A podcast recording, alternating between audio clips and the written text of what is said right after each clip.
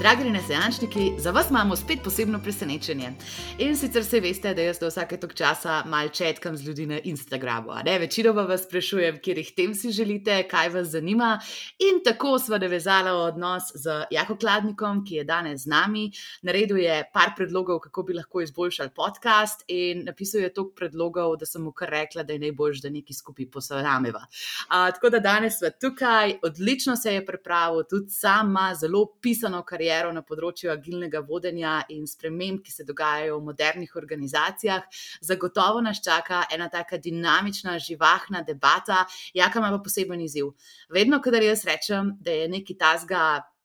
Bolj filozofskega, bolj tazga, ki se ne da direktno, aplikativno narediti na vaše življenje, mi mora dati pod vprašanje, da ja, pridemo do tistega, ki vam bo najbolj pomagalo. A ste redi? 3, 2, 1, gremo. Evo, Maja, ful lepa hvala za to priložnost, da lahko s tabo govorim. V bistvu za poslušalce bom povedal, tako prvič se pogovarjava dejansko, tako da imamo. Imela sva 15 sekund ali pa 20 sekund, nikoli, sam da sva si rekla, kako pa kaj. Tako da tudi za me bo to popolnoma ena nova stvar.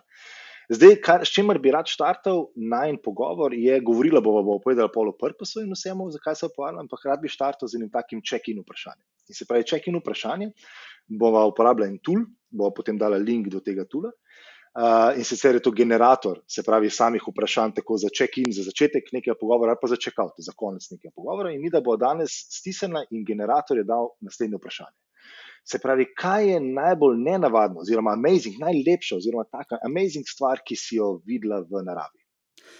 Generator, ne vem, kako mi bereš misli, ampak mi smo bili danes z našima dvema psoma v živalskem vrtu in ta starejši pes se je ustavil pri rdeči pandi. Itak je rdeča panda tako, da je lepša stvar na svetu, pač tako res je graciozna, taka malo počasna, ampak zelo zanimiva.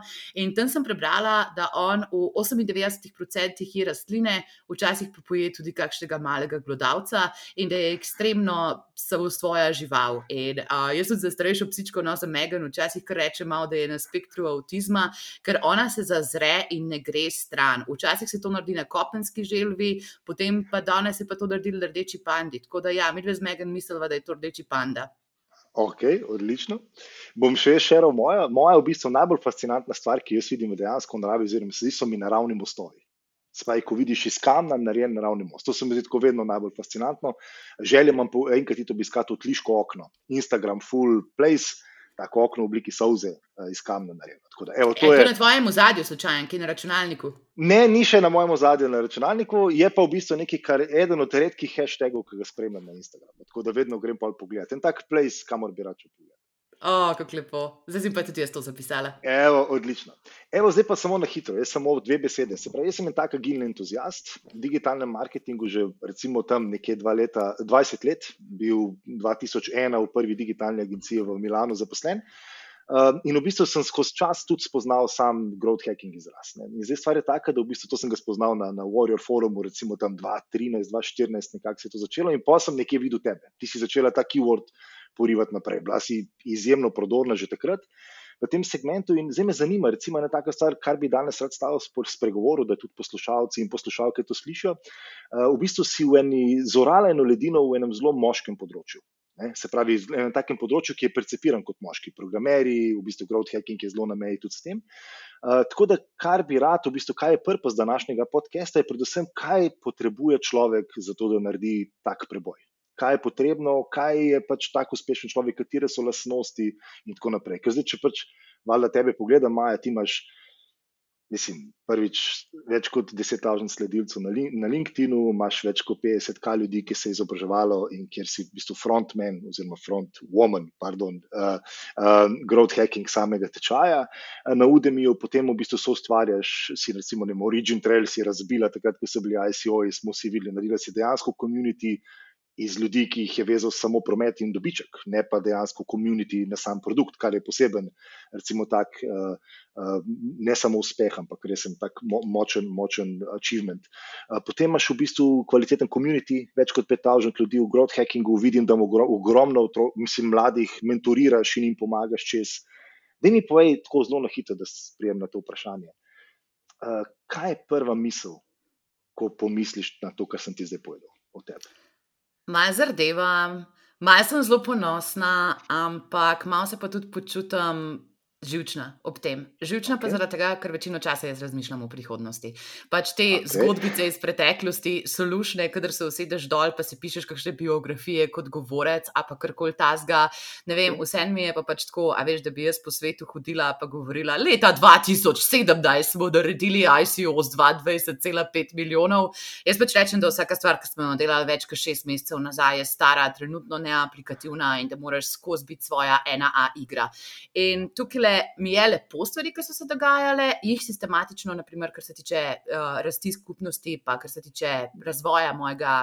Osebnega, osebnega znamke, valjda delam, ampak tako mi je pa mal čuden o tem govoriti, zaradi tega, ker jaz vem, kam bi rada prišla, vem, kam si želim razvijati stvar in tako no, večina moje energijskega prostora je tja usmerjena, ne v stvareh, ki so se dogajale v prejšnjem desetletju mojega življenja. In vem, da so eni ljudje tako zelo nostalgični, pa se radi spominjajo stvari. No, jaz sem pač tako po duši blazen futurist in drivajo me te stvari, ki jih trenutno še nimam, ne tisto, kar že imam. Uh, tako da je pa full dobro, ej, jaka, tole ti bom sam, vem, da ne bom na kratko odgovorila, ampak eno stvar si rekel, o kateri bi se jaz zelo rada pogovorila, predvsem z našimi poslušalci, tudi um, moško dominirano področje. Jaz bom kar povedala statistike, kako imamo. V skupini Growth Hacking Slovenija imamo 40% žensk. Na meetup, ki smo ga imeli pa to sredo, jih je pa prišlo 7 od 50. Se pravi, to je bil prva stvar, ki mi je naredila alarme. Druga stvar, ki mi je naredila alarme, je bilo pa to, kar je ena od naših punc napisala pač tako javno povabilo, kdo bi lahko govoril na nekem dogodku, in se niti ena ni neposredno javila. Potem, seveda, sem jaz prišla s svojim komentarjem in napisala noter osem super podjetnic, ki so tudi bile na podkastu, večinoma, da pač tako ne pridejo, ne predstavijo svojo zgodbo. Je dve dodatni speaker, ki najdla takoj. Uh, Nuši sem pa pol takrat napisala nazaj, za ženske goste se je treba bistveno bolj potruditi. Jaz imam goste za na podcast, ki sem jih vabila že štirikrat, na vsake tri mesece vabite v koledarju, malo opomnik, da jih moram spet malo pinga, če so zdaj že pripravljene kaj povedati. Skratka, um, zelo pomembno je, da delamo na tem strukturirano, zelo pomembno je, da imamo par punc, ki se izpostavijo, zaradi tega, ker punce rezoniramo s puncami. In če misliš pač tako, da je eni od nas uspelo, lažji, pač enostavno tvoja življenjska zgodba je bolj podobna temu. Itak, kot kar ne veš, primer, če imaš podjetnico, mamico, a pa LGBT community. Pač tako moraš imeti like in vzornike, ki so podobni tebi. Tako da, ja, moj izziv sem je, da na neki točki karijere, potem, ko se boste vi dobro počutili stvari, ki se vam dogajajo, greste ven, spregovorite javno o stvarih, o katerih razmišljate, o čem delate, ker to rabimo, drugače bomo spet imeli še deset področji, ki so presipirana kot moška. Pa, nič ne robe s tem, super fanti, radi vas imamo. Sam jo, vemo, kdo bere, pa vemo, kdo se pol pojavlja na dogodkih, pa na bitapih. Odlično, dobro shout out. Da mi eno stvar poje, ok, zdaj je na to. To se mi zdaj, kar si mi povedala, pa ta shout out, ki si naredila, je super. Da mi poje, če ti dam tri polstik listke. Uh mhm. -huh. Ok, pač agile, čist preprosto. Katere so, se pravi, ključne tri lasnosti, ki jih mora imeti nekdo, da prehodi tako pot, ali pa da zberete pogum, ali pa da naredite korake. Jaz bi prvo rekla temu, kar se v angleščini reče resilience, pa ne vem, če se v slovenščini to odpornost pre pre prevede, ampak to, lej, ko greš ven, ko daš pač tako svojo kožo na veter, se boš ne izpodbimno ti bo kdo rekel ne, sigurno ti kaj ne bo uspelo in pač ne smeš jemati stvari preveč osebno, ne smeš biti užaljen, ker se ti stvari dogajajo, pač moraš imeti svojo agendo in moraš iti naprej in ne smeš pač preveč dolg časa biti tam užaljen, kaj se ti je v življenju naredilo in zakaj te nihče ne mara, ampak moraš rint. Tako da ta resilience je bil za me ključen. Le meni so v glavo rekli, ker sem študirala v Amsterdamu, da mi nikoli ne bo uspel, zato ker sem slab slavik, pa ne znam dobro angliščine govoriti. Moja reakcija na to je bila, glej me. pač ne. Ne, okay. ne, ne boš ti mene, pač tako, ne, glej me. okay. Se pravi, da reč lahko, če je prav po slovensko, to ustrajnost slash trma. Tako, ja, tak, ja, bravo, bravo, okay, ful dobro okay. povedano. Ustrajnost slash trma, ok, se pravi, to je prvi listek. Zelo dober. Ja, ajde, zdaj pa na drugo listek, ki je pa čist bolj soft in to je networking. Jaz zelo strukturirano delam na networkingu. Za me je pač ta priložnost, naprimer, da učim Udemy kurs, je nastala tako, da sem jaz inštruktorju napisala zahvalo, koliko je meni osebno pri delu ta kurs pomagal, sem mu naložila tam primer in um, od takrat naprej sva mi dva pet let že delava skupaj z Davisom in res mi je super. Tako da jaz grem vedno en korak naprej in pač tako pogledam, kako lahko nekomu drugemu jaz pomagam. In vedno poskušam po brainstormati, pač spomniti en takšen način, kako bi mi lahko skupaj nekaj naredili. Naprimer, glih dan zjutraj sem imela na telefonu eno punco, ki je bila na meetupu, mi je bila zelo všeč, zaradi tega, ker se je ona javila, da nas bo slikala. In ona mi je, ni mi poslala slik, a veš, tistih 500 raztreščenih slik, mhm. naredila mi je video.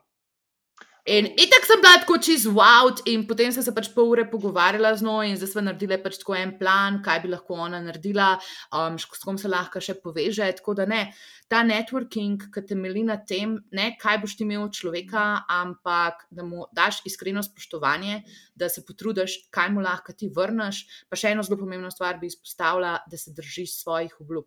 Ker, naprimer, tudi jaka, ne, če se ti, naprimer, danes ne bi prikazal na snemanje jaz tebi bila najboljšega mnenja o tebi. pač tako, da ne zatojiš pol, ne? da si seveda, zanesljiv. Seveda, seveda. Eno stvar mi sem po jeziku si tako razdelila, se pravi, ja. networking, ne, ne, fuli mi je všeč, ne, ti poveš le, ok, ja, ampak jaz. Če si tebe predstavljam, ok, ti si pač ekstrovert. Ne? Večina ljudi se recimo so, spopada tukaj z imposter sindromom, ne? se pravi s tem v sindromom izsiljivca. Kako to premagati? Imaš še en quick trik ali pa kaj tasga, kako preskočiti tja čez recimo? To je bilo letos eno izmed najzanektivnejših vprašanj, kar sem jih dobila na mentorstvih. In A? sicer me je en fant, ki ga mentoriram, vprašal, kako na dogodku vzpostaviti stik z ljudmi. Um, jaz, ki bi zabe, a veš, zabe je to tako naravno. Jaz pač, ki pridem na dogodek, jaz se z vsakim pogovarjam dve minuti, če se le lahko. Jaz pač pridem do njih, pa jih vprašam, živijo, ti je bilo všeč, kaj kdo si pa ti, pa, pa ti delaš, zaradi tega, ker sem pač naravno firčna. Mogoče je tretja lasnost, ki bi jo lahko napisala na postli Da je pač res na en igriv način vse zanima, no? da sem takšen radoveden človek. Ampak ne, jaz sem ful razmišljala o tem, po moje, zdaj le tri mesece, da sem njemu lahko ob zaključku mentoriranja dala odgovor. In odgovor se glasi takole.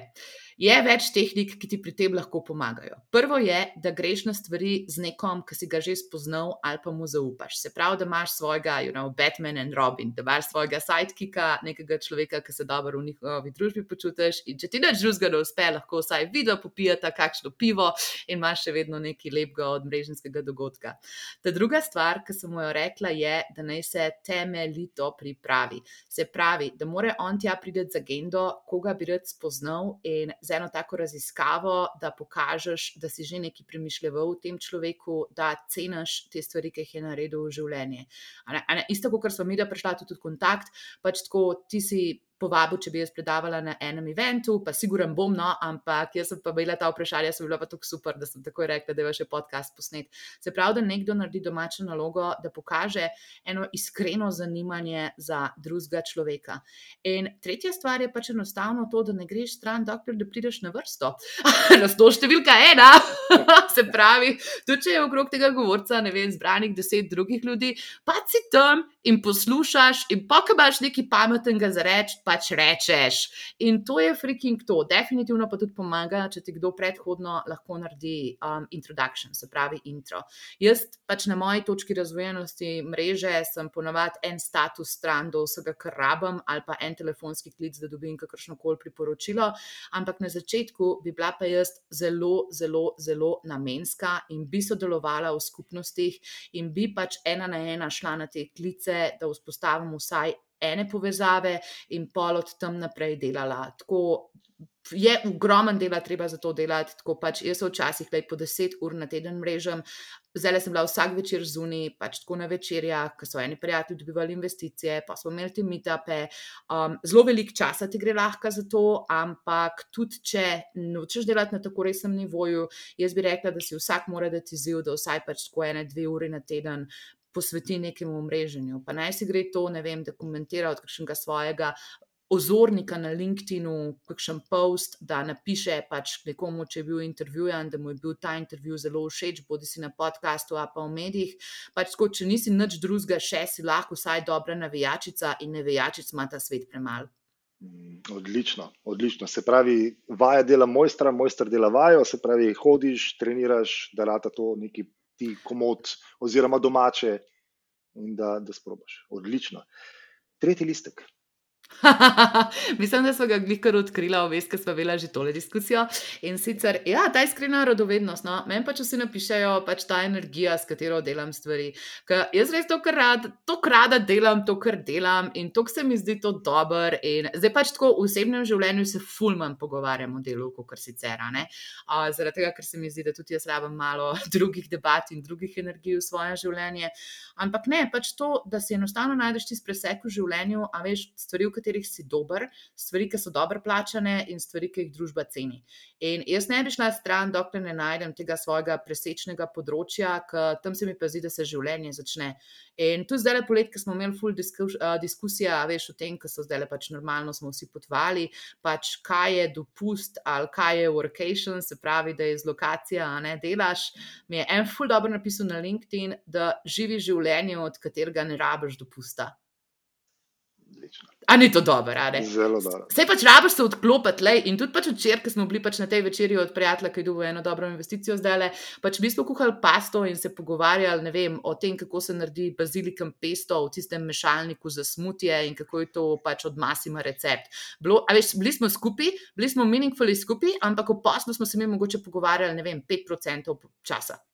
Razumem, razumem. Zelo dobro. Se pravi, če povzamemo, imamo resilience oziroma ustrajnost, slash trma, ja. tako nekako, potem imamo networking in tukaj, kako se spopadati z imposter sindromom, si lepo povedala, najdi družbo, probi tam, počakaj, uh, pripravi se pred tem in vse, in pa iskrena radovednost. To so te ja. tri listke. Odlično. Ja, to so ti tri listki. Odlično, zelo dobro. Hvala, da si me eh, izzival, da si me izzival, da na ta način to strukturiram. Ja. Meni tudi mogoče lažje, a ne za vse ostale, da razumejo to na ta način, kot da jaz rečem, da vem, pač pejte v Amsterdam za dva meseca, zmrežite se tam z vsemi ljudmi, ker to ni od vseh zgodba. Pač mi moramo na neki točki se pogovarjati malo bolj meta. Seveda, seveda, definitivno. definitivno. Da mi povedo, ko se pravi, glede na to, da je tvoja karijera tako uspešna. Zdaj, meni je jasno, ti si futurist, ne gledaš za nazaj, mi je všeč bil ta tvoj, ta tvoj timeline, pač ta infografika tam v zadnji nekje, ti gledaš pač, kam bo se šlo premaknilo naprej. Jaz sem že enkrat, že ne parkrat videl, ne, ko si napisal v svojih postih, se pravi, da imaš cilje, da jih, da jih spremljaš, gledaš. Zdaj, kako zgleda tvoj življenjski plan? Kako, a imaš ti objektiv, se pravi, OKR-je, a imaš ta Northern Star zapisan? Eh, kako, kje imaš to? Mislim, jaz imam recimo svoje cilje na notrni strani ogledala, recimo vsakeč, ko si zobe umivam, si pogledam, kaj so ključne stvari, kaj želim in kako in kaj in se tako alajnam vsak dan. Ampak kako ti to narediš? Kaj, kaj je tvoj sekret, uh, ta ingredient, oziroma kako to postaviš? Le, nekje je znanost, nekje je pa umetnost. Ne? Ja. Umetnosten moment mi je bil to, da sem res počitno pri 18 letih, pa sem to čist pozabila. Sem pač tako um, napisala, da v srednji šoli napišeš, ne vem, kaj si hočeš v lifeu delati. In jaz sem napisala, da hočem imeti magisterij iz ekonomije in imeti svoje podjetje. Pred parimi leti mi je prijatelj pač pokazal tisto knjigo in jaz sem pač tako na široko odprla oči in malo usta in pač tako, wow, to je zdaj moj life. In nisem se, a veš, tako zavestno pač se vsak dan prebrala magisterij iz ekonomije iz svoje podjetje, ampak očitno sem to tako ponotralna in je bilo to res tako iskreno in tako sem bila to jaz, da um, je enostavno ostalo z mano in se je pač to v manj kot desetih letih naredilo. To je bila ena taka točka, ki sem začela razmišljati, da najboljših stvari v življenju verjetno še ne vem, ampak definitivno gravitiram tja. Če imam dobre ljudi okrog sebe, pa pač dosti delam na sebe. Um, drugače, podobno kot kartino, imam jaz tudi zelo takšen uh, rigiden sistem tega, da hočemo ostati fokusirana, ker drugače. Um, Jaz tudi vsak dan berem svoje cilje. Jaz imam cilje za let, uh, leto, za kvartal, za mesec in za teden. In te tedenske cilje jaz vsak dan berem. To je moja ena izmed prvih stvari zjutraj, ko se zbudim. Inženiram se jih v svoj koledar, zaradi tega, da imam za vsako od teh stvari dovolj časa. Um, tudi zelo analiziram, kje cilje, pa kje področje v življenju sem zdaj trenutno malo slabša v njih. To so se staro drevo ful dobro pogovarjali na podkastu, da se mhm. včasih moraš odpustiti. Ampak, pokabaš pa enih 100 kil je pa vse na alarm. se pravi, veš, te metrični alarmi v našem življenju, a pa ko ne moreš prideš čez mesec, ker se valjda nikoli ne naredi. Ampak, ja, pač za take zadeve bi pa pol naredila en takšen bolj strukturiran program, kako se s tem lahko soočam, pa bi pač tudi verjetno malo predrugačila cilje, če bi se mi kaj mhm. tasga v življenju naredil. Se pravi, kaj, je to potem nedelja tvoj dan, ko jih pogledaš za teden naprej? Nedelja. Zjutraj popoldne, zjutraj popoldne. Ob, ob desetih jaz pišem cilje po telovadbi, pol okay. ob enajstih pa delam kontent za čez teden. Uh, okay. Se pravi, zelo jasno, nedelja strukturirana, ja. kaj pogledaš in pogledaš. Okay, ne, in to je pač tako, ej, fus so se dobro, veš, tudi s Boštjanom pogovarjala, pač tako. V, ljudje pravijo, da lahko v 21 dneh kao razviješ navado, ampak mm. jaz mislim, da treba da je tako pol leta. pač enostavno po pol leta niti ne misliš več, da to delaš. Pač kot del tebe rata, sploh nimaš nobenega več mentalnega truda, da se te zadeve naredijo, naredijo se pogojene z motivacijo. Ne, Mislim, ne več. Tes, ne več Toliko okay, časa okay. jih drilaš, da ti enostavno okay. ratajo naravne in jih moš narediti. Ampak itak je pa pol več zaključovanje tedna tisto, kar te motivira. Tisto, kar pa pol vidiš, ne vem, dosegla sem 13 od 16 ciljev, ti tri top vini so bili trrrr, naslednji teden pač tako mogoče so šle kakšne stvari tudi narobe, ne stvari, mm -hmm. ki jih nisem mogla mhm. načrtovati. Mm -hmm. Naprimer, pač to, kaj je zdaj, da zboliš in če zboliš, ne boš pol petkrat na teden telovadil, in pol mhm. ne boš glih upset, če enega cilja nisi uh, dosegel. Tako da ne vem, no, ali je znanost in umetnost malo robota, se pravi to, da imamo trde rutine, malo pa tudi te človeške prilagodljivosti, oziroma to, da skočiš na kakšno drugo priložnost, če se še pojavi, s tem, da ne izgubiš fokusa. Odlično, fursi mi dali na dobro istočnico. Kaj pa narediš, kot je težko? Mm. Jaz sem ponovadi tako zelo, da hajpana oseba in jaz si kar pač rečem, imaš to. okay. Se pravi, sam to, greš. Se pravi, to je mantra. Ne, takrat, ne, ne. ne. Tako da to si rečem takrat, kadar je še možnost, da bom nekaj dejansko dosegla. Takrat pa pač tam tako teram do konca, do okay. ciljne črte, ker lej, sem ponosno bitje in to v mladosti nisem bila, no, da bi pač tako res hotela vedno ustrajati do konca, zdaj pa vedno bolj. Pač to sta pa dve navadi, oziroma dva tak osebnosti odlike, bi še celo rekla, ker sem jih razvila skozi kariero, zato ker vem, da so me včasih med študijem malo nagajale. Prva je, da se držiš vseh obljub, se pravi, da si vse daš v koledar. Če rečeš, da boš čez 14 dni odgovoril mail, ga boš takrat, če rečeš, da se povežeš februarja, se boš takrat, pač da si enostavno super zanesljiv človek. In druga taka navada je pa bila, da sem se včasih tako kakšne stvari kratko malo ustrašila, pa mogoče malo odnehala. Zdaj mi je pa res, res, res, res, res velik izziv, da grem do konca. Tudi, naprimer, za podcast. Mislim, mislim, mi smo začeli snemati v karanteni in ful mi je bila dobra vaja sama s sabo, da zdaj pač, da vem, snemava še jaz to in neki epizodo. Lahko bi se jaz sam pač tako neki nahajpala in bi posnel pet epizod in takih zgodb v Sloveniji kar precej. mm.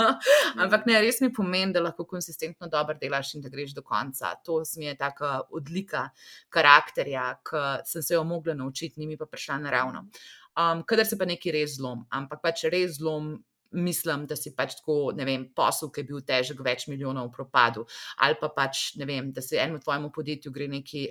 Vlažno na robe, a pa da veš, je kdo v družini bolan, a pa da ne vem, boh ne da, sploh nočem iti jaz, tega, ker pač tako ne rabim biti zelo v tem razpoloženju, se pravi, pri teh drastičnih trenutkih, bi pa definitivno šla fulbol nežno sama do sebe.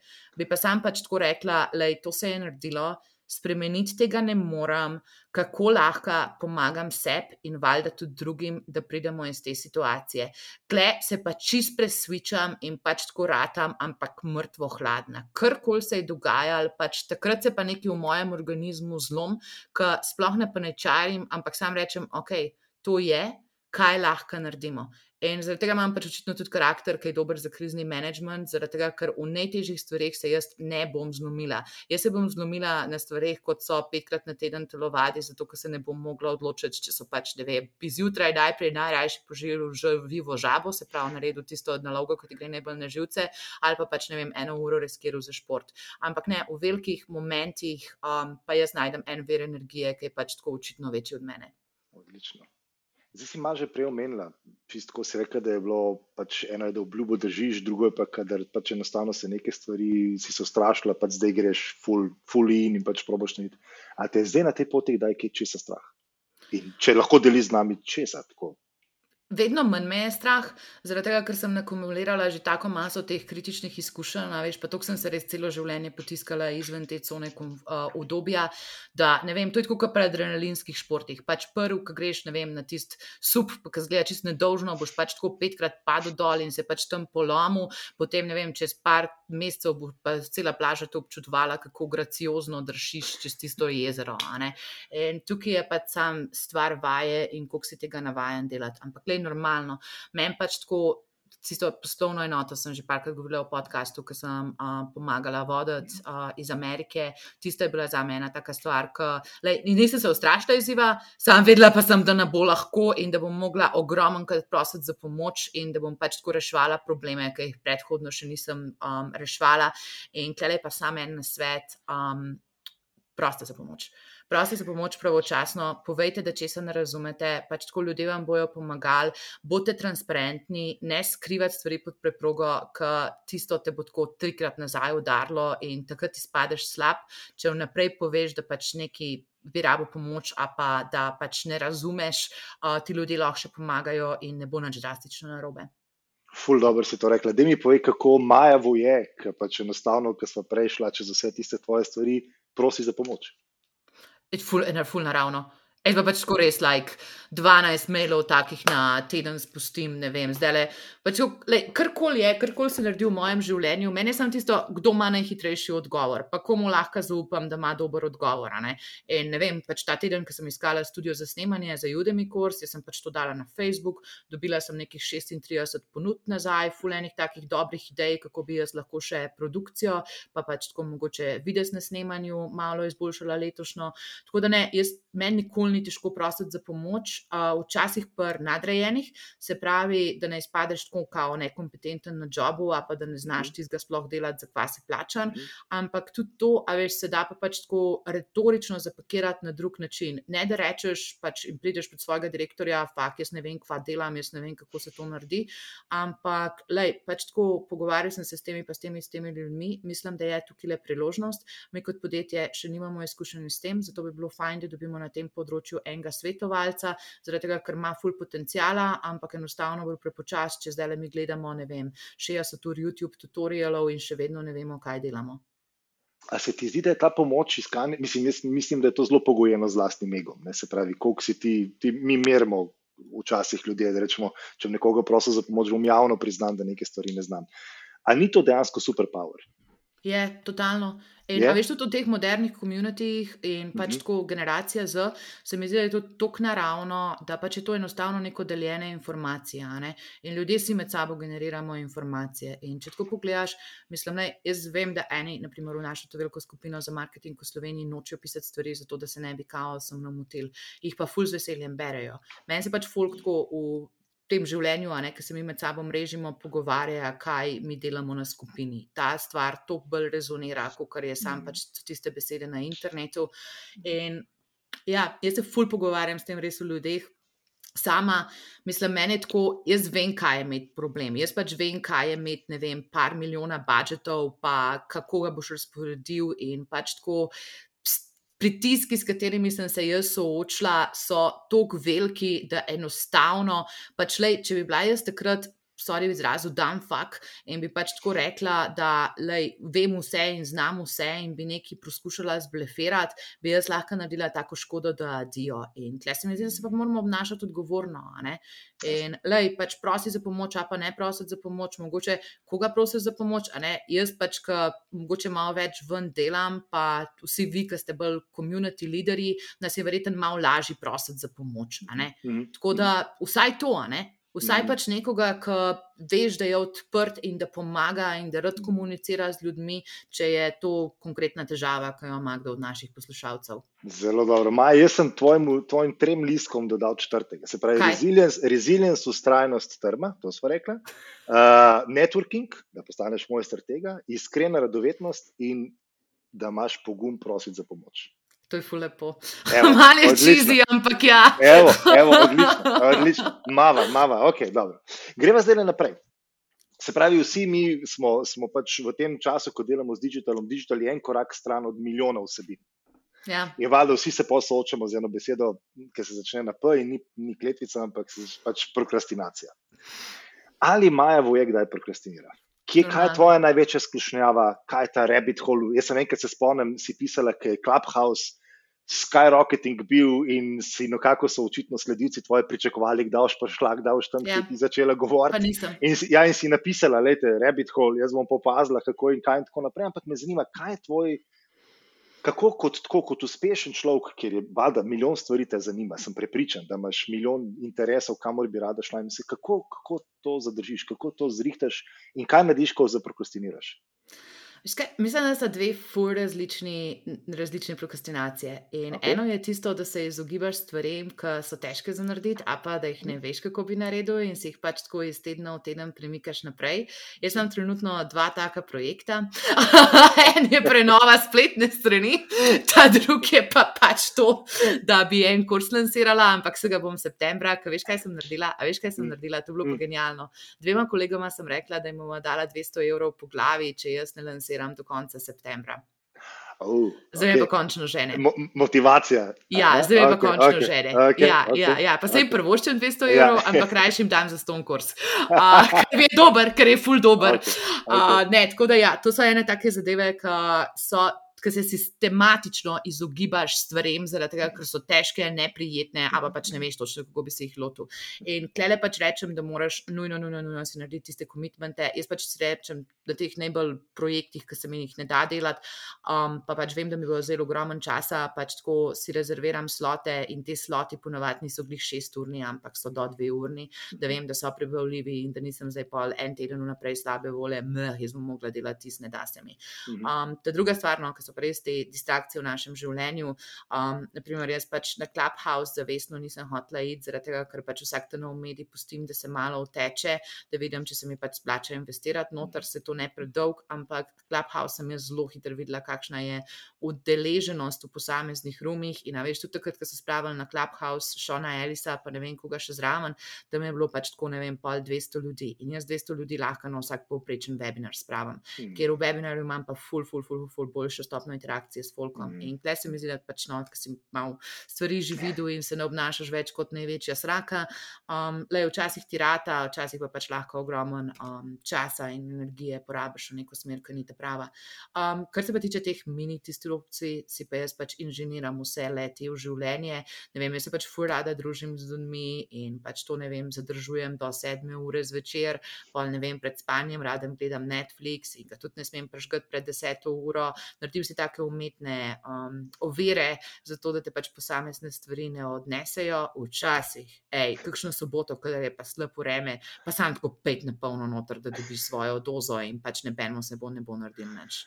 Odlično. Se pravi, si, mi je všeč, ker si tako zelo, kadar, kadar se ti zgodi nekaj, si prijazen do sebe. To si tudi prej omenil, ja. da je treba biti do sebe prijazen. Ja. Znamo ljudje biti zelo do sebe, um, grobi ali pa tako in to je full dobro.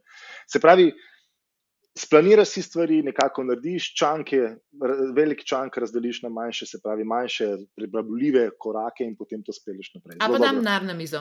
Ali pa daš na, okay. pa daš nar na mizo. Okay. Zdaj, zdaj si, prej si se dotaknil tega, že malo si šla v ta in super se nam to povezuje, malo si prišla v koledar, pa to po deseti uri in tako naprej. Enkrat sem videl tvoj post, se rekel, fa, ne mislim, klet, ampak se rekel, o moj bog, kakšen kakšen koledar imaš, pa ti imaš tako vse razdeljeno do 7 ure zvečer. Povej mi, kako izgleda tvoj poprečen dan. Kako, mislim, ker to izgleda tako. Jaz sem videl dva sprinta popoldan, zjutraj trening, kuno, potem priprava, kontent na tem. Tako, kako izgleda tvoj poprečen dan? Kdaj se začne, kdaj se zaključi? Ampak tako vsak. Mislim, to, to so skrišoti yeah. mojega koledarja, pač ta, tako jaz živim. Um, okay. Ne, pač lej, zbudiva se ob 6:30, zadnje čase bližje 6 uri, zato ker mama ima malega psa doma in pač ona ima svoje določene potrebe in smo veseli sam, da, da novo spimo. Um, tako da ja, okrog 6 smo auf, um, naredim pač kakšno stvar, ki je mečkam bolj reflektivna, ne vem, o čem premišljujem, tam, ko pijem kavo na balkonu, kaj lepega preberem, um, pa začnem pa pač počasi telovaditi, um, pol určke zjutraj če se da, včasih pač tudi ne vem, greš na dolgi sprehod, pa pač mhm. tako skombiniraš si en mhm. takšen režim, no, ki ti paše, ne glih to, da si Sparta. Ob devetih striktno grem delati nazaj za računalnik, vmes med 8:45 in med 9 bom verjetno šla še malo na balkon cilje brat. Ampak ja, pol ob devetih pa no excuses, grem jaz delati svoje stvari in od 9 do 12 lahko naredim dva full močna slota.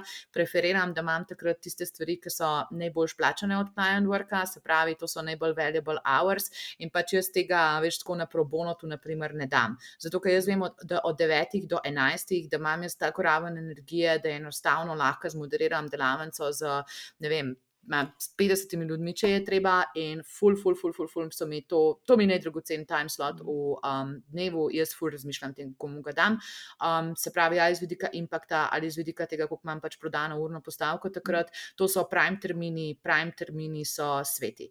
Mhm. Um, pol pač okrog 11. začnem z mečkim takim bolj delom, ki je mal, ne bom rekla, manj intens, ampak ne vem, kaj pišem. Pa pišem te stvari, kar rabim za statuse, ali pa naredim kakšne follow-upe o teh stvarih, ki se menim, kakšno ponudbico, pogodbico, take zadeve. Se pravi, od 11 do 12 sem jaz že imel energy down in čakam kosilo, ki bo ob 12. Tako da ja, za žetom imamo veliko srečo, da vsak dan lahko jeva skupaj. Um, ko, se pravi, kosilo je za me ena taka sveta stvar, jaz sem res bolj rada kosilo. Jaz sem jem zajtrk, kaj pa se tako vul veselim tega svojega kosila. Sem smešna s tem kosilom. Um, in ja, pol od 12 do 1, ponovadi pač tako malo, ne vem, jeva in sprehajava pse. Pol ob enih do treh je en slot, ki je tako še malo mlačen. V redu je za sestanke, ful je dober za sestanke, zaradi tega, ker imam počasno energijo takrat. Um, pa mi pa spet butne ven od treh do petih, pa šestih. Takrat pa lahko naredim spet en full valuable chunk of work, to mi je full, full, full, full, full dober, pa po sedmi uri se začnem izklopiti. Če so kakšne zadeve, ki jih imam za urediti za Ameriko, sem lahko do desetih, enajstih po koncu, ampak to full ne morem delati na rednem terminu, zaradi tega, ker imam ekstremno jutranji bioritem. In pač, kaj sem zdaj razlagala, je v resnici, kdaj se jaz dobro počutim, kdaj sem lačna in kdaj pač tako se rada pogovarjam z ljudmi. Pač potem je sploh planiran moj dan. Le, ful sem si napisal, to je res zanimivo. Jaz sem si napisal, da neverjetno dobro poznaš samo sebe. Valjda. Eš neverjetno dobro. Ja, a misliš, da vsak od nas mora spoznati samega sebe, če hoče tako pot? Eš, me, to me zanima, si do takega urnika prišla, nisi ga štartala takoj. Kako Le, si, ja, koliko, časa si bildala, koliko časa si bildala ta kurnik, pa testirala, pa videla, da si bolj jutrni tip? Koliko časa to traja? Mislim, ker do konca, konca je cilj, da dava ljudem občutek, kako naj sebe bolj spoznajo. Kako, kako se naj tega recimo lotijo? Lej, probaš, pač tako narediš si nekaj tasga, ki takrat misliš, da je dober, da ti bo dobro funkcioniral, pa pa vidiš, kvati ni šlo. In poskušati razmisliti, za kvati ni šlo. Jaz, na primer, če bi imela, ne vem, delavnice, se jaz ful bojim meče skusilo, zaradi tega, ker vem, da sem jaz pač takrat lačna in krenki in pač tako ful ne upam imeti v lunchtimeu nobenih takih stvari, ki bi mogla jaz biti, ne vem, top A plus plus game, uh, ker vem, da pač takrat ne bom dobro funkcionirala in sem že imela take izkušnje in vem, da sem se orang prematrala, da sem prišla na to. Vem tudi, da če imam eno tako močno stvar, da sem pol, ne vem, eno uro opravilno nesposobna in da lahko pač tam po social mediji stvari delam, ne morem pa iti pač tako delati, ne vem, v kosu štirih ur delavnic, um, brez tega, da bi imela vmes malo, da si um, napolnim baterije spet. Uh, mislim, da te to pač tako fulno uči življenje in da moraš res sam svoje počutje opazovati. Uh, jaz se pač, a veš, to še vedno, zdaj se pač ukvarjam s tem, ne vem, a zjutrajni slot za telovadbo držim, ki mi je ful dober in vem, da me ful ne energiza, a bi zjutraj, pa kar rabim vse malo časa, da se spet umirim po telovadbi. Pač, če bi zjutraj prej raje naredila uno najtežjo nalogo in pol videla, če grem pol telovaditi. Se vem, da se to ful neumen sliši, sam pač na koncu dneva, a veš, tako, kar imam jaz za prodati, so ure, kar imam jaz pač tako za razvoj investirati, so freaking ure mojega življenja. In vsako uro gledam tako, da je ful dragocena. In mm. ne pač tako na takšen sebičen način. Jaz delam par ur na teden pro bono, pač tako res, kadar se me karkoli dotakne, bom jaz pomagala in sem jaz ful, ful, ful, ful, ful povezovalno usmeren človek. Sam čas je materija, iz katere je življenje. Jasno, ja, zelo lepo si to povedala. Da mi pa ena stvar, se pravi, glede na to, da si gotovila, jutranje ure so recimo najbolj za te top klijente in vse ostalo, kdaj investiraš v sebe čas? Ej, zadnje čase je full nestrukturirano. Um, jaz pač, če vidim, da je kakšno tako področje, kot naprimer. Um, trenda v mojem komunitiju, ne vem, zdaj naprimer, je pač to analitika 4.0, a ne pa se moramo malo izobraževati na tem področju, pa te zelo veliko se ukvarjamo z um, podatkovnimi veri, zdaj le na Facebooku, ker se je atribucija malo zlomila.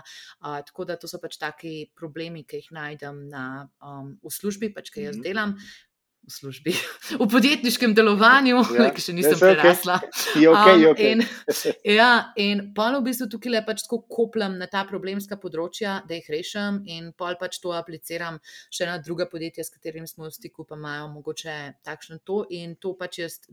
To so sloti, pač to so mhm. enostavno stvari, ki jih hočem delati, mhm. takrat, ko imam najboljšo pravilnost. Zdaj, v tistih mrtvih trenutkih, ki pač nimam neki full velike energije, pa brain powerja, poslušam kakšno audio knjigo, kakšen podcast, take zadeve, ki so mi mogoče zanimive, s tem, da imam klele ekstremno omejeno na to, da lahko poslušam tri podcaste naenkrat, zaradi tega, da pač tako ne switcham vse povsod in da sem še bolj zmedena, ampak da imam feeling, da po neki liniji misli nekako napredujem, pa pa jaz se ogromno pogovarjam z ljudmi. Jaz imam pač res toliko networking klicev, pač tako vsak teden sem cele dneve na klicih. No. Mislim, pač tako prav inženirati moram tihe slote, zato ker drugače sem skozi ljudmi. In zdaj, pri moji starosti, res pač tako od ljudi dobiš deset tisočkrat mm. boljše informacije, kot da jih sam neki na internetu mm. iščeš. In pač tako bolj mi je, veliko bolj mi je enega strokovnjaka dobiti na klic, pa pol ure delam z njim za zelo strukturiranih problemih, ki jih imam jaz, mm. da moram požreti vse palast, ki je na YouTubu in v člankih, zato da pridem do ene resnice. Mm. In klem mi pa pač res ful pomaga. Ne networking in to, da imam dostopno do teh mednarodnih ljudi, ki so rešili že težave, s katerimi se jaz mogoče soočam danes. Mm, zelo dobro. Da mi eno stvar poje, še bo pol končala s tem koledarjem. Ja. Um, tak naporen koledar, recimo, ali pa tak tvoj delovnik, ki je pač rabi neko regeneracijo kako se regeneriraš. Stvar je taka, ne, ne, nismo vsak dan mlajši, čas je ta materija, ki jo imamo, uh, regeneracija je tudi nekaj, kar je tako, kako ti to znese. Ali si vzameš, pa je to ta trening, ta tvoja regeneracija, so to kuški, pa sprehod z njimi, kaj je tvoja regeneracija? Ja, le vse. In pač, kadar pa ugotovim, da mi enostavno stvari grejo na živce in da ne uživam več tako v njih, kot sem včasih, pa ne vem, mislim, da sem letos dva meseca delala iz morja. Pač to je res enih takih stvari, ki jih počnemo v življenju tudi zase. In pač, ne vem, če kakšen vikend pregniješ, to je čist ok, pač tako ne rabiš biti skozi na 200%. In jaz sem ful smešna v svojem prostem času. Jaz se včasih pač kot ena stara mama počutim. Um, danes, na primer, smo šli v živalski vrt in pa smo šli na kosilo, in pred tem snemanjem, ki ga imamo, sva šla za dremat za eno uro. Ne, ne rabiš tega, ja, ne vem, no, pač tako neki. Um, ne rabiš tega vsak dan delati, tega balansa. Ne? To pač je tako, naprimer, na ravni enega tedna, pa ne vem, enega meseca, pa ene periode, moš biti zbalansiran. In pač spet pridemo nazaj, tja, da se pač poslušaš. Jaz, kadar je rukar, kadar je na adrenalinu, jaz zelo dobro delam. Jaz se zlomim, takrat, ko ga ni. In takrat sem pa pač mogla, ne vem, preseliti na še eno lepo destinacijo in štiri dni delati noč, in pa mi bo dolg čas, in bom pa spet fuj z veseljem delala. Zelo dobro. To si že malo začela, sem imel pripravljeno tako vprašanje, glede na napake, pa na to, pa kako se ti, kako odreagiraš, kadar se ti zgodi padec. Ampak vidim, da imaš ta mentality samo na what, gremo dalje, ja. kaj bomo zdaj in gremo naprej. Tako da si to že skozi to rdečo nit nekako povedala. Ok, zdaj ti bom dal na tako mal. mal um, Bolj hands-on vprašanje. Daj, Jaz bi rad, daj. da si malo roke umaževa, čeprav si je ful lepo okay. povedala že stvari. Okay, story time. Tako, use story, ok, agilno, greva skozi use story. Uf. Mala 25-30 let staro, staro punco, okay, ima nekaj izkušenj. Se pravi, razume, kaj bi rada počela, malo je jasno. Uh, se pravi, deva reč, reč, da hoče delati kot facilitator. Zdaj, to je poklic, poklic prihodnosti. Se pravi, sestanke bodo zamenjali facilitatorji, to bojo progresivne in ostale organizacije vedno bolj potrebovali, vedno bolj se na tem dela. Kaj recimo ta punca mora začeti delati? Kako, se, kako začeti svoj, začet svojo kariero, kje naj začne, kako si sestaviti pipeline, kje dobiti stranko, kako mogoče v tujini dobiti tako mrežo, kot si jo ti dobila. Kako lahko človek danes, ki posluša ta podcast, punca, ki posluša ta podcast, ali pa fant, pride do tega, da reče: Ok, le tukaj sem zdaj dobil know-how, le jutri lahko mogoče to začnem um, uresničevati oziroma materializirati.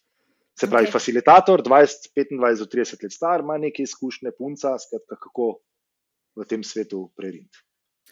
Uh, bom šla kar po izzivih, uh, ker sem že toliko ljudi videla, ki so šli čez to, da vem, kje se zlom, pa vem, Super. kaj gre lahko na robe. Če boš pa ti imel tudi kakšno dopolnitev, pa valjda tudi vedno dobrodošlo. Prvi izziv je pozicioniranje. Zakaj? Zaradi tega, ker poklica facilitatorja si ljudje fulne predstavljajo. Tudi mojega poklica si niso predstavljali. Se pravi, kaj to sploh je in kako vrednost prenese svetu.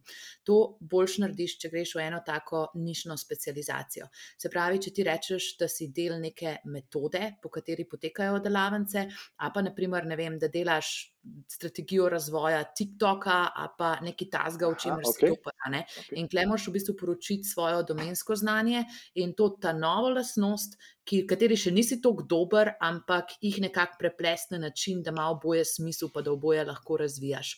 Tako da to je prva stvar, ki se moraš tako vprašati, kje si dober, kva hočeš narediti in kaj trg hoče. Izjemno pomembno, da slediš enim tržnim trendom, da ne prideš v eno tako vertikalo, se pravi, eno tako industrijo, ki je že čist zasičena. Naprimer, če bi zdaj, ne vem, hotel v Sloveniji delati tiste delavnice z Lego kockami, ti si verjetno že tako malo pa se. Ne vem, no, mislim, meni že ja. dolgo časa ne ben od večjih podjetij podjetij ni rekel, da so sestavljali Lego kocke, taki ja. manjši, mogoče. Ja. Ampak. Um, Ne, mogoče tudi nimam najboljšega pogleda, no se vprašujem, če je kdo Lego kocke trener, ampak Mhm. Tako malo moraš imeti razumeti to, kaj se mhm. dogaja na trgu. Hočem reči, prva mhm. stvar je pozicioniranje. Druga stvar je proximity. Se pravi, to, da si v kontaktu z ljudmi, ki že uspešno delajo to, kar bi ti rad delal.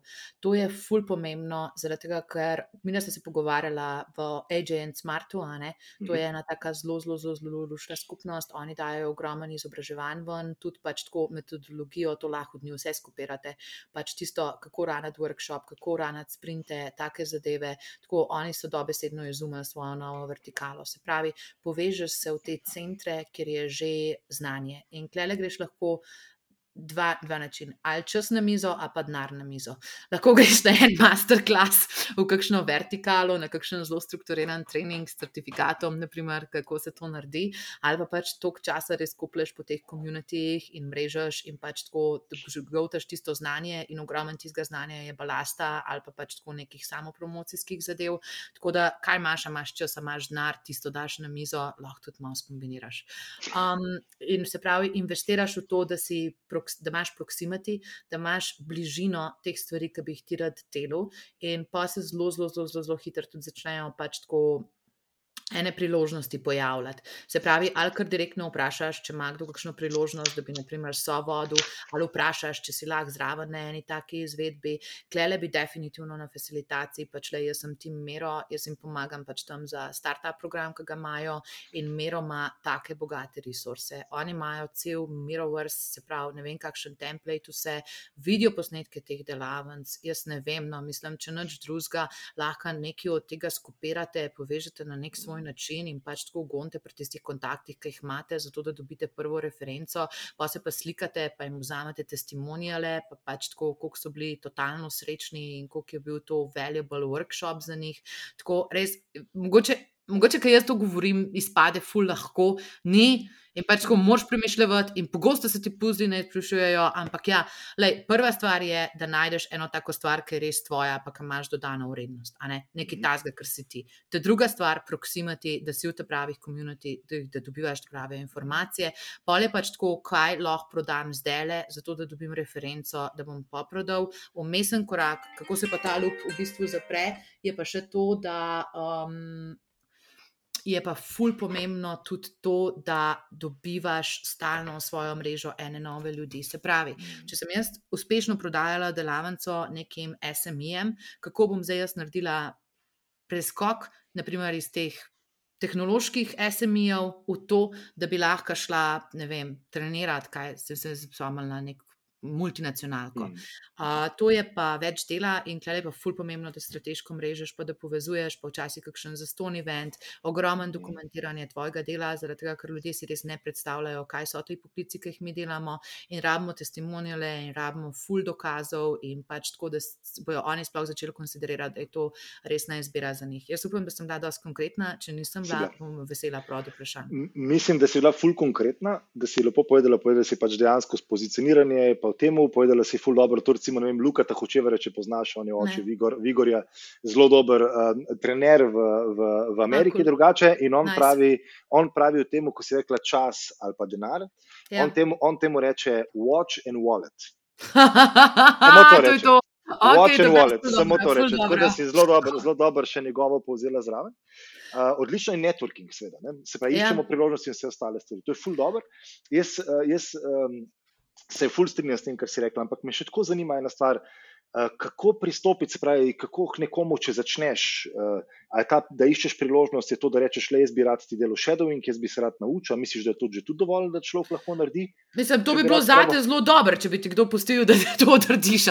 Drugač pač ne vem, lahko prideš na njihove brezplačne izvedbe, zato da dobiš Tako? izkušnjo, kako se to naredi.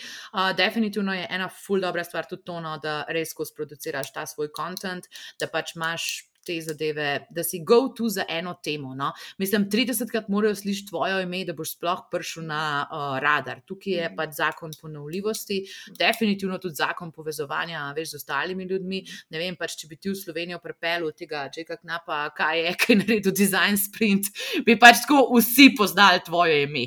Pač tako, če bi ti mhm. organiziral ta event. Tako da, mhm. fulje načinov, kako se to naredi, ampak lej, moja zgodba je bila vedno to, da delujem na iskren način, na dobro način nameren način, na način, ki ostalim ljudem daje dodano vrednost, kar ne pomeni, da sem soft. Kar ne mhm. pomeni, da je z mano karkoli narobe, ampak vedno, vedno, vedno so mi ljudje sam rekli, hej, a si ti res tako v svojem lifeu, a si ti tako mal fake. Zato, ker niso navajeni tega attituda, veš. In to bi bilo pa mhm. res zadnjo sporočilo, lej, da narediš drugačne, da narediš izjemne stvari, moš biti drugačen. Mm. Mm, se strinjam, popolnoma. Da mi še ena stvar poje. Ta človek rabi, oziroma ta oseba si mora imeti svoj webpage, mora nek lead gen začeti delati. Noč. Okay. Noč, ti sam šopej. Uh, ne, to se pol velikrat pogovarjamo z temi ja? e-commerce, a veš, arabijo spletno trgovino. Vse, kar rabiš, je nek community, je nek takšen skupek ljudi, ki bi jim ti lahko prodal. In na začetku ga boš v veliki večini primerov dobil iz ene svoje osebne mreže. Ker sem jaz začela biznis, sem si naredila 50 ljudi, ki mi lahko v biznisu pomagajo in se pač dobila z njimi. Jaz sem se pač takoj pogovarjala še o jobih, pa pač tako, da imam job, a naj grem na svojo podjetniško pot in vsak mi da v ene take svoje informacije. Pa, ker sem pač tako desetim dnem poslala e-mail, a imate slučajen koga, ki bi benefitil od teh servisov, ki jih jaz delam, sem dobila svoje prve stranke. In pač takrat nisem bila nič še tako aktivna na družbenih omrežjih, pač tako drugače je bilo.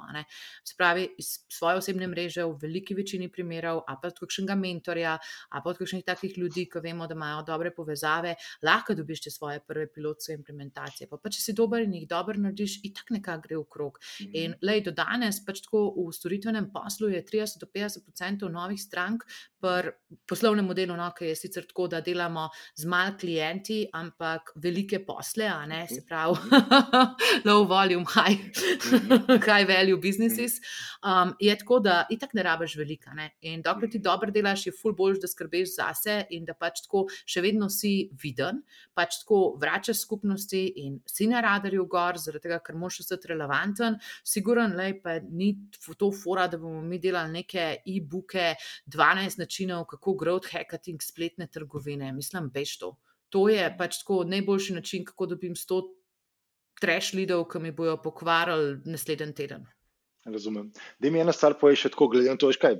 Da je ful si lepo omenila, rekla si, ok, začnemo z pozicioniranjem z vsem ostalim. In ful si tukaj dobro omenila ena stvar, ki je šla tako na hitro v tem, kar si na hitro povedala. Ja. Zbrala si 50, spisek 50 ljudi, ki ti lahko pomagajo, že zdaj. Ja si jih naredila, spisek, ja. dejansko.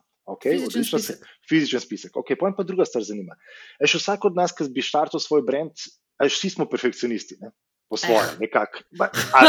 Jaz no, nisem. No, okay, okay, ampak hočeš najboljše, recimo, predstaviti. A moraš biti perfekcionist ali je bolj pomembna hitrost? Ne, naraven moraš biti. Pač okay. enostavno, tudi če imaš, mislim, ne rečem, da je zdaj ful dobro, da imaš taj potenoter. Sem pač tako, lej, jaz sem videla, naprimer na Instagramu, ko sem se prejšnji mesec ful matrala, da bi neke korosele delala, pa to mi je šlo toliko časa, pa živcev noter, pa res pač tako se mi ni dal tizga delati. Se mi ful všeč, kaj drugi ljudje delajo, sem pač očitno to ni moj naraven komunikacijski format. Ne? Moj naraven komunikacijski format je, da zabijem screenshot od, um, kakšna je naša demografska struktura skupine ali pa pač kakšen takšen testimonial ali boja estetika je pač očitno ful bolj cringe. In klej se mi zdi, da je res ful pomembno, da se poznaš, da eksperimentiraš z različnimi informati, da ne preveč razmišljaš o tem, ampak le sliko na eventu lahko vsak naredi, še jaz jo lahko.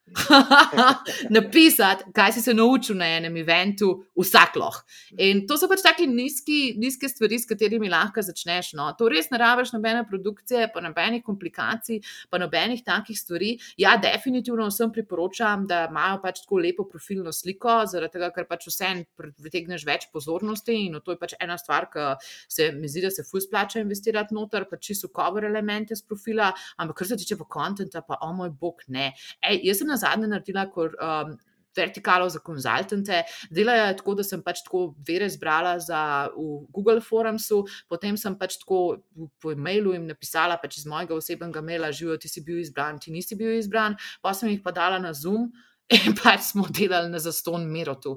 Pač to tekstek tega je ni stal nič in pač tako, ful je bil dober program, ampak res ljudje ful preveč kompliciramo o tem, kakšno mora biti stvar spolirana. Pač tako, le, res ne rabiš, to, da pregledaš te svoje prve poskuse, če ti bo neki latal, pa ti ne bo latal, res ne rabiš. In to je živa neumnost ali celo prokrastinacija. Bravo. Res je, lahko je to full velika prokrastinacija. Super si to, joj, to si tako dobro zaključila. Evo, da mi zdaj povej, da mi je res, res zelo dobro. Da mi povej eno stvar, se pravi, jaz mislim, da smo nekako zajela, kaj se pravi, ja. ta, ta punca ne rabi marketingu, to meni. Ne rabi, nič od tega. Pač Sam ne se slika, pa ne dela screenshote od svojih tako. delavnic, lahko tudi s prijatelji, da naredi kakšno delavnico tesno na začetku. Ne, sam greš, pa pa namensko delaš tako. na tem, ker vidiš, da se trg odziva na to. No. Zelo dobro. Da mi povej drugo stvar, zdaj valjda, ne, počas bi bilo dobro, da zaradi tega tudi časovno, da malo zapremo zapremo. Ja, ja. zapremo ja, ja. Pa me samo zanima ena stvar. Ti si pač dejansko brend, dejansko si brend, Majevo je, je brend. Da mi povej, kako skalaš samo sebe. Kako bo skalala svoj brend dalje? Si rekla prej, ja, ker cena veva oba dva. Ja, valjda je, ko imaš uro, ko je ura tvoj element, ki ga prodajaš, vsi imamo 24, mi z Markom Zuckerbergom, z vsemi ostalimi imamo vsi isto število ur, isto število minut. Uh, kako boš skalala samo sebe, če ni skrivnost prevelika? Ne, ne, ne, to je v bistvu vprašanje, s katerim se jaz letos ne več ukvarjam. Um, jaz pač letos sploh nimam cilja za biznis, koliko moram narediti s konzultingom, jaz imam pač cilj za biznis, koliko moram narediti um, s pasivnimi metodami. Pasivne metode so v mojem primeru pač tako um, novi koncepti delavnic. Um, se pravi, to so zdaj vertikale, bom začela več delati, um, teh bolj kako se reče, strukturiranih, mhm. profesionalnih treningov, bom mhm. probala čim več one-on-one predstaviti na vertikale. Se vem, da to pač ni ne vem, kakšna eskalacija, ampak je sprememba za me. Mhm. Online kurse, hvala Bogu, že od začetka delam, kar je super, ampak tudi to postaja več vedno bolj zasičeno, zato je treba pač ogromno delati na komuniti zraven, zato ker pač, če nimaš teh online kursov, komu za prodati, pol nimaš ja. biznisa, ampak ja. imaš pač domači ljubiteljski studio. Uh, tretja stvar, o kateri valjda razmišljam, so produkti, ampak jaz osebno še nimam neke ideje, kakšen software bi lahko izumila. Imam pa en full dobro vision zdaj, ki ga preigravam, no, glih v smislu s komunitijo, pa par, veš kaj, v bistvu sem bila pred desetimi dnevi z sedmimi najjačimi tehnološkimi podjetji, sem sedela tukaj v Sloveniji, pa smo se pogovarjali v bistvu, kaj je future tega, mm -hmm. ne employer brandinga, ker to je to klem izraz, ampak tako, kva more podjetje narediti za to, da vrne okolju, da je pač tako ga drži na radarju. In smo se ful pogovarjali o komunitih, smo se ful pogovarjali o knowledge sharingu in Meni pač tako leto, jaz sem mislila, da je to leto scalability, ampak v resnici je to leto impakta. In pač, a veš na koncu, kaj te driva, ne? kako scalaš samo sebe. A me driva pač to, ne vem, da zaslužim več denarja, ampak tako lansko leto in letosno leto me res fulbal driva impact oziroma vpliv, ki ga lahko naredim na življenje ljudi. In klem mislim, da je to ena taka platforma, čez katero mi bo to uspel, plus content, či, če in ko ne bom prelena, da ga strukturirano delam.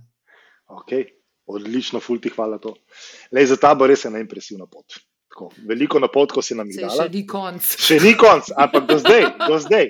Vse veva, da si rekla že, da si futuristi. Ne, ne, Ej, hvala, pravi, ful, ne, ful si prijazen. Meni je tako itak naroden, kad te zadeve poslušam. Ne, ampak, ampak, ja, I should donate, I should donate, to bi rekla vsak. Sveda, sveda, ne, pa tudi druga stvar je to, veš, te napotke, ki jih ti daješ in to imajo to tvojo podlago. 8-9 let dela, veš, ti si akumulirala neke stvari, neke stvari tebi rezonirajo popolnoma drugače kot nekomu, ki jih bo danes prvič slišal, recimo, ne. Um, ker recimo ponovadi, kada prije tega navala informacij, se nam zgodi ta analisis, paralysis, ne se pravi. Ja.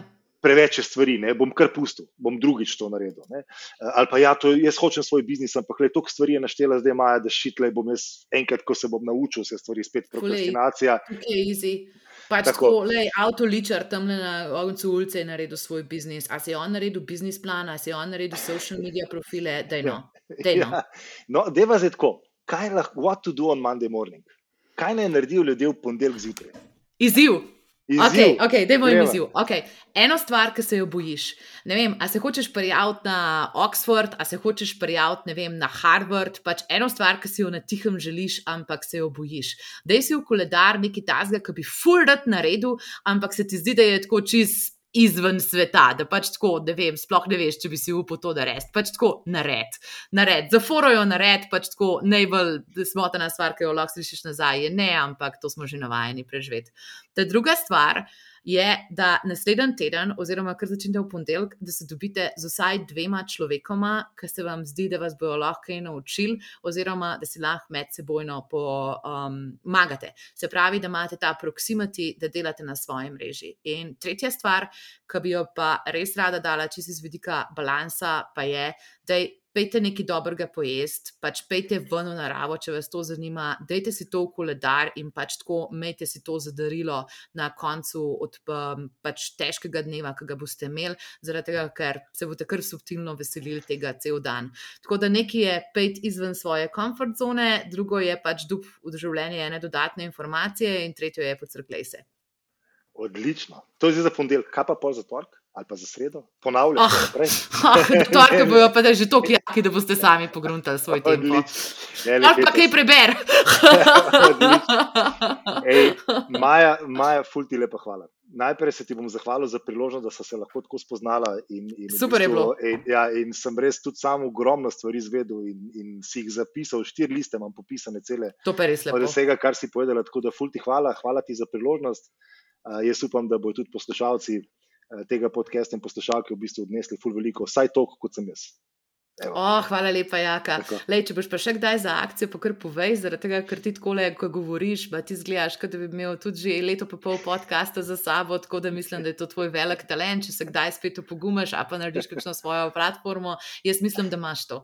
Oh, hvala ti lepa, hvala lepa. Evo, lepo zdrav sem. Ej, ful hvala, ker ste nas poslušali, lepo bodite, pa se slišimo naslednji teden. Čau!